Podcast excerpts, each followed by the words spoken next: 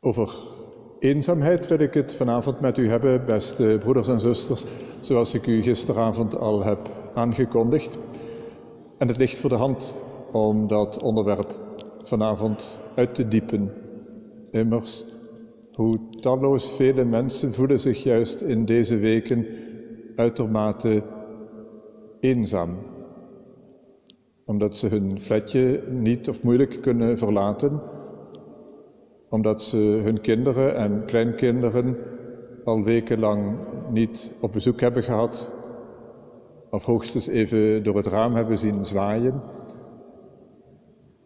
Hoeveel bewoners van verpleeghuizen die al wekenlang de pijn ervaren van de gesloten toegangsdeur, waardoor hun familie al wekenlang niet op bezoek kan komen.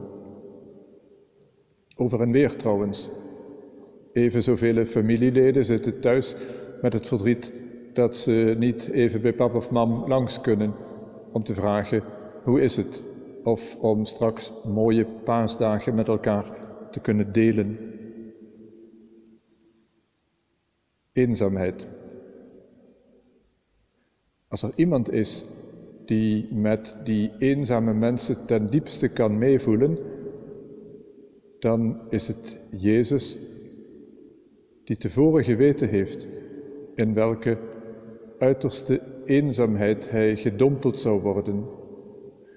Jezus die die drie topleerlingen, laten we zo maar noemen, Simon Petrus en Jacobus en Johannes meegenomen heeft naar de hof van Gethsemane. Blijf hier en waak met mij, bid met mij, want mijn ziel is bedroefd tot stervens toe. Laat me nu alsjeblieft niet alleen.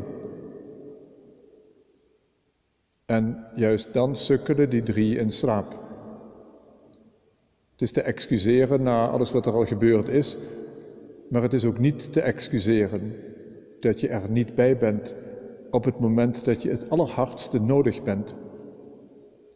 Beste broeders en zusters, ik denk dat dat de allerdiepste eenzaamheid is, waar een mens gerekend had, durfde te rekenen op zijn medemens, die dan verstek laat gaan.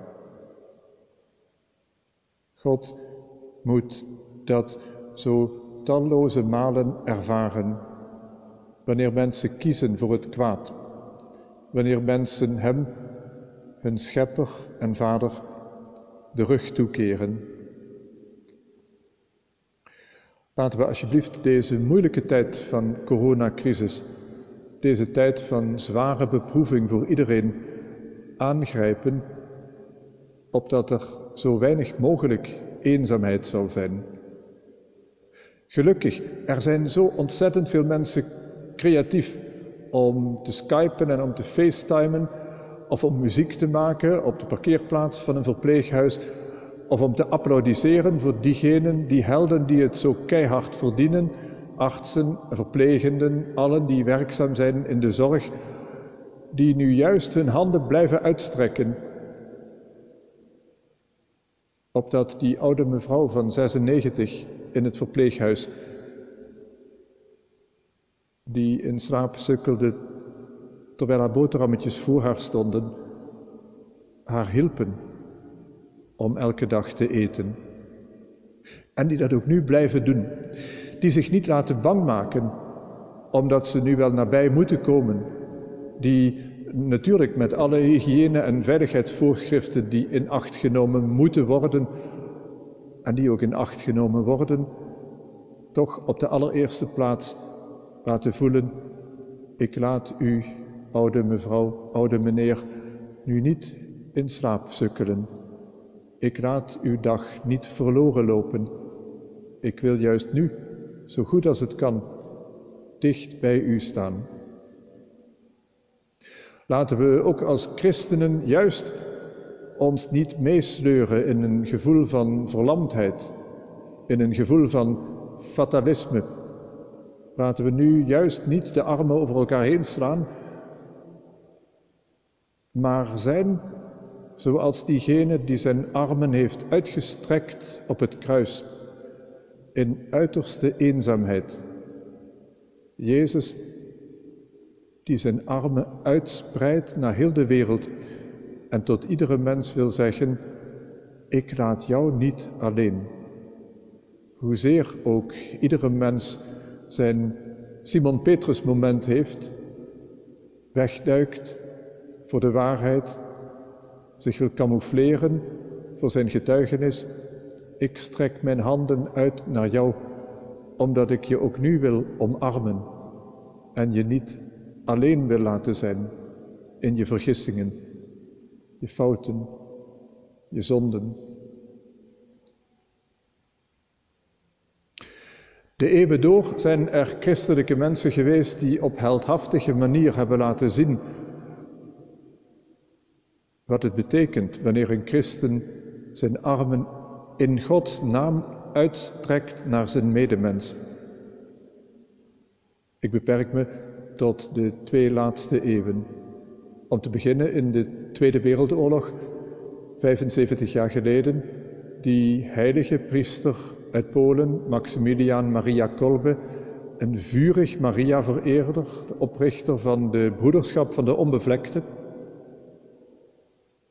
opgepakt, gedeporteerd naar een concentratiekamp, waar hij medelijden kreeg met een jonge vader die gefusilleerd zou worden, waar hij zich verplaatste in diens huid, in diens leven en zichzelf opofferde.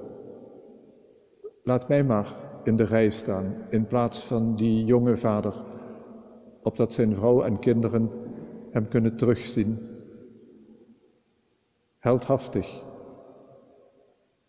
Zoals in de 19e eeuw er ook een heldhaftige Vlaming was, de grootste Belg, Pater Damiaan de Veuster, die natuurlijk ook bang was om naar dat Melaatsen-eiland Molokai op Hawaii te gaan, die daar liever ook was weggebleven, weggedoken, veilig, gezond thuis was gebleven maar die zich als eerste beschikbaar stelde. Ik wil daar aanwezig zijn in Gods naam om doodzieke mensen die niks meer te hopen hebben, nabij te zijn, met hen te bidden, hun Jezus lichaam uit te delen.